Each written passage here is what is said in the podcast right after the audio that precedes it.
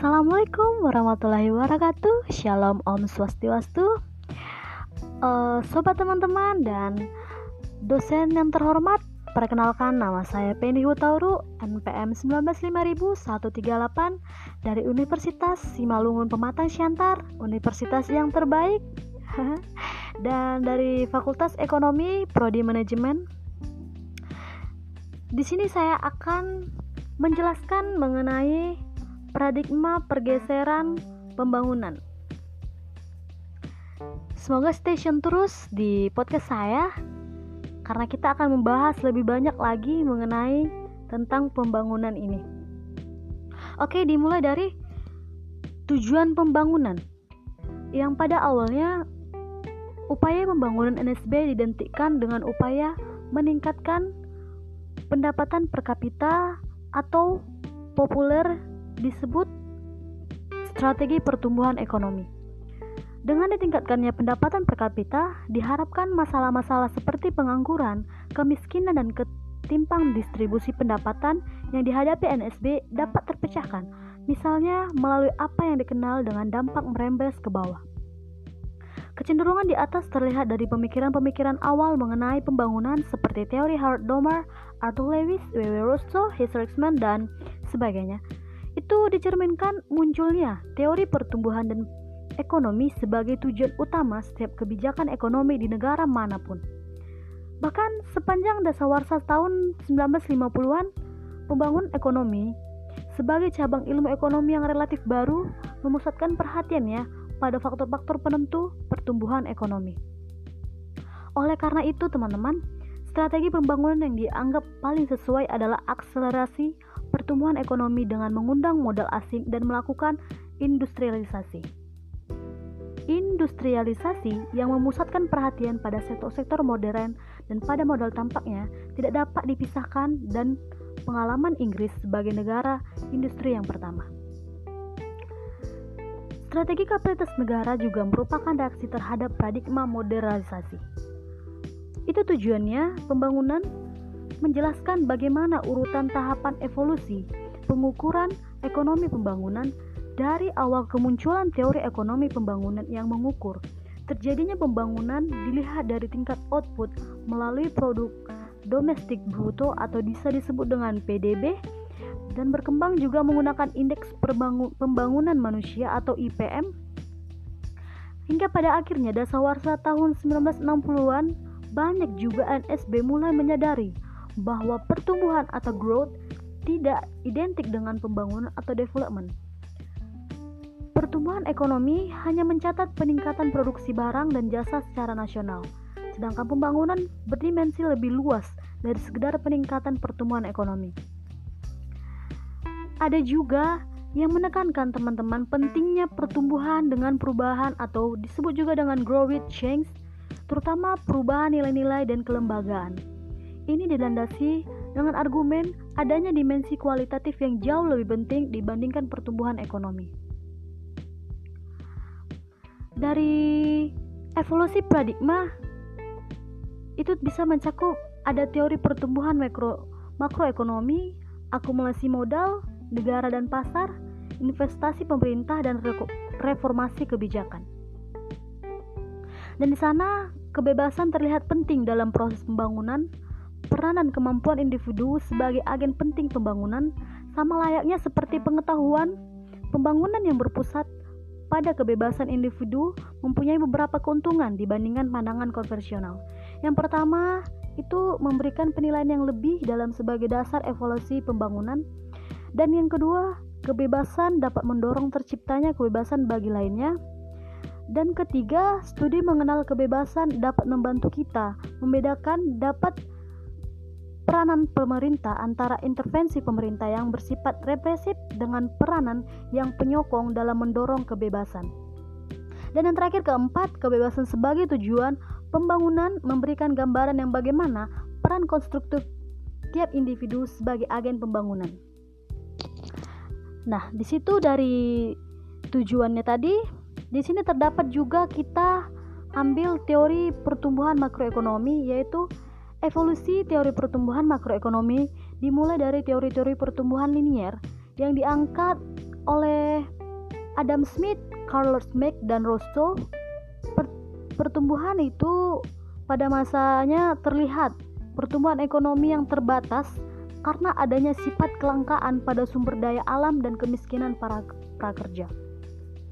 Ekonomi klasik lainnya dari David Ricardo memperkenalkan konsep diminishing return dan margin products yang kemudian akan digunakan pada teori-teori pertumbuhan makroekonomi selanjutnya. Ricardo berpendapat sendiri bahwa ketika sebuah negara menjadi makmur, maka laba akan menjadi nol dan upaya akan turun hingga hanya cukup untuk sekedar penghidupan. Wow. Dan ekonomi akan berhenti dan para tuan tanah juga akan menjadi makmur akibat langkahnya tanah. Bisa dibayangkan ya, teman-teman. Begitu juga dengan tenaga kerja membagi ekonomi ke dalam dua kategori, yaitu sektor yaitu sektor yang subsistem dan kapitalis di mana pengertian dari sektor subsisten itu sendiri adalah sektor pertanian, produksi pangan dikonsumsi sebagian besar oleh petani itu sendiri. Sedangkan sektor kapitalisnya sektor-sektor yang modern yang umumnya ditopang sektor-sektor industri. Dan dari teori neoklasik mencuatkan dua model yang terkenal, yaitu teori pertumbuhan Harold Domar dan Solo yang analisis dari Harold Domar sendiri itu investasi dan pembangunan mengambil peran penting dalam sebuah ekonomi untuk mencapai pertumbuhan yang kokoh. Sedangkan analisis dari sedangkan analisis dari Robert Solo itu mengembangkan sebuah teori yaitu teori pertumbuhan neoklasik yang juga disebut model Solo. Dan di sana juga terdapat penjelasan mengenai dari akumulasi modal hingga modal manusia. Dimensi akumulasi modal menunjukkan tahapan evolusi akumulasi modal dalam teori pembangunan. Generasi pertama ekonomi pembangunan itu lebih menekankan kepada pengakumulasian modal fisik yang seperti dicerminkan pada teori pertumbuhan Solo pada tahun 1957. Sekitar tahun 1960, Ketika data makro yang dapat dibandingkan secara internasional telah tersedia, Madison, Denison, dan para ahli lainnya menentukan bahwa perbedaan dalam menentukan modal dan faktor input tidak banyak menjelaskan mengapa timbul perbedaan dalam pertumbuhan ekonomi. Sebagai kepala ekonomi pembangunan, dia juga menambahkan bahwa bantuan luar negeri saja tidak akan mendorong terjadinya pembangunan strategi pembangunan harus ditekankan pada transfer dan transformasi ilmu pengetahuan. Dan di samping itu, lingkungan yang mendukung bagi terjadinya peningkatan tersebut dapat dilakukan dengan beberapa cara. Yang ini teman-teman, di sana ada penciptaan dan perlindungan terhadap hak kepemilikan intelektual, penggunaan regulasi dan ukuran-ukuran pajak sebagai media penghargaan bagi perusahaan-perusahaan yang melakukan inovasi, dan peningkatan persaingan di antara perusahaan-perusahaan yang terdesentralisasi. Dan ada juga hambatan potensi pertumbuhan sebuah negara dapat dijadikan dua kategori, yakni hambatan karena pertumbuhan teknologi tidak sejalan antara negara maju dan NSB, dan hambatan yang berhubungan dengan modal sosial yaitu tingkat pendidikan dan kompetensi teknis lembaga perdagangan, industri, dan keuangan. Dan dapat juga kita jelaskan yaitu mengenai negara dan pasar peranan serta hubungan negara dengan pasar itu dalam pembangunan pun terus berubah, teman-teman. Seiring dengannya waktu, generasi pertama pembangunan menekankan perlunya ada aksi pembangunan berupa koreksi dan upaya-upaya koordinasi alokasi sumber daya alam yang biasa juga disebut dengan SDA ya. Mungkin sudah kita sering dengar ya, teman-teman. Itu yang berpusat oleh pemerintah. Dan di sana pemerintah NSB dituntut untuk mempromosikan beberapa hal, yaitu akumulasi modal, memanfaatkan kelebihan tenaga kerja, liberalisasi industri, relaksasi hambatan pada pasar falas melalui substitusi impor, koordinasi alokasi SDA melalui perencanaan. Nah, konsep yang menjadi tantangan ke depan adalah bagaimana mengatasi kegagalan institusi. Satu isu yang terpenting dalam ekonomika kelembagaan adalah bagaimana NSB mengalami kegagalan institusional dari waktu ke waktu? Yang pertama, negara-negara miskin mengalami konflik distribusi. Yang kedua, rintangan dalam kelembagaan diakibatkan konflik distribusi. Yang ketiga, konflik itu kemudian diperburuk dengan permasalahan kolektif. Dan yang keempat, dibutuhkan peran-peran yang lebih kompleks guna koordinasi kelembagaan. Oke, di sana juga kita dapat poin mengenai tentang interferensi pemerintah yaitu model dan kebijakan generasi pertama bangunan kemudian dikritik berkaitan karena ada efek penyimpang akibat intervensi pemerintah. Banyak ekonom kemudian menganggap distorsi dan kegagalan pasar ditimbulkan akibat kebijakan publik. Hingga negara-negara Amerika Latin direkomendasikan menjalankan 10 kebijakan, yakni satu, disiplin fisikal. Dua, belanja pemerintah atau APBN. Siogianya diprioritaskan untuk memperbaiki distribusi pendapatan. Yang ketiga, sektor fisikal. Yang keempat, sek yang keempat sektor finansial.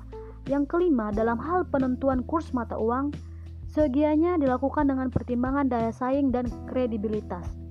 Yang keenam, perdagangan. Yang ketujuh, hendaknya investasi asing. Yang kedelapan, badan usaha milik negara atau BUMN yang seyogianya diprivatisasikan untuk menaikkan efisien dan membantu pembiayaan defisit APBN. Yang kesembilan, lakukanlah deregulasi atau kehilangkanlah macam bentuk restriksi atau sebagai hambatan bagi perusahaan baru yang hendak masuk ke pasar. Dan yang terakhir teman-teman yaitu nomor 10 ya, pemerintah perlu menghormati dan melindungi hak cipta agar menumbuhkan iklim inovasi. Oke, ada juga lagi teman-teman uh, poinnya mengenai tentang reformasi kebijakan, di mana dimensi reformasi kebijakan menunjukkan evolusi reformasi kebijakan dengan awal permasalahan NSB yang mengalami kegagalan pasar adalah itu lingkaran setan kemiskinan. Wow, setan kemiskinan terdengar seperti mengerikan ya. Nah, kita lanjut.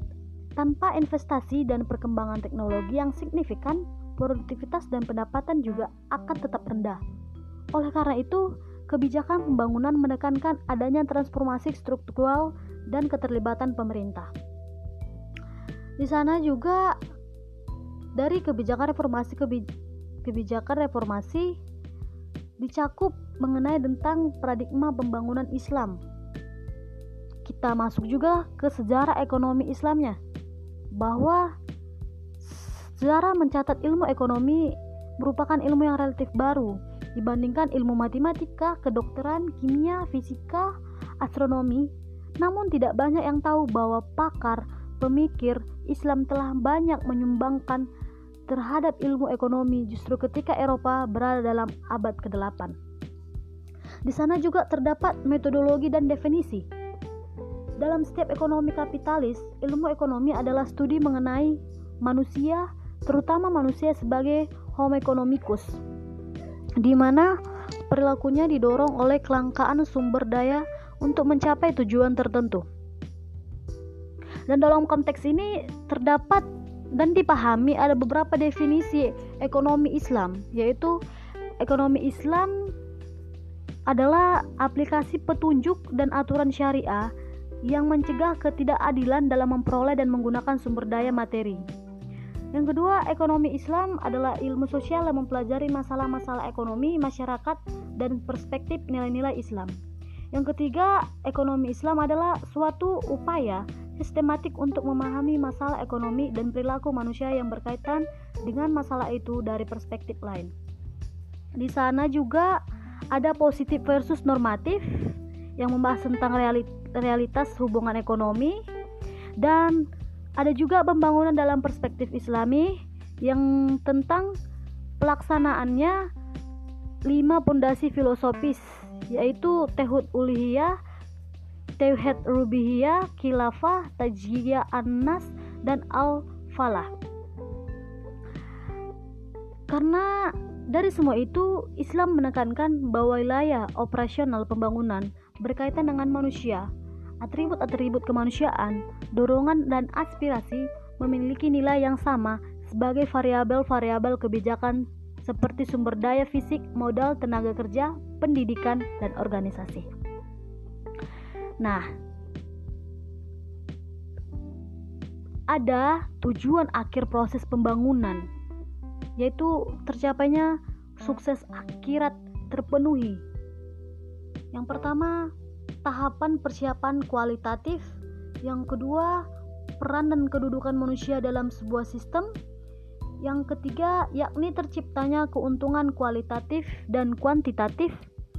Dan yang keempat, yakni utilitasi hasil hasil pembagian dari proses pembagian.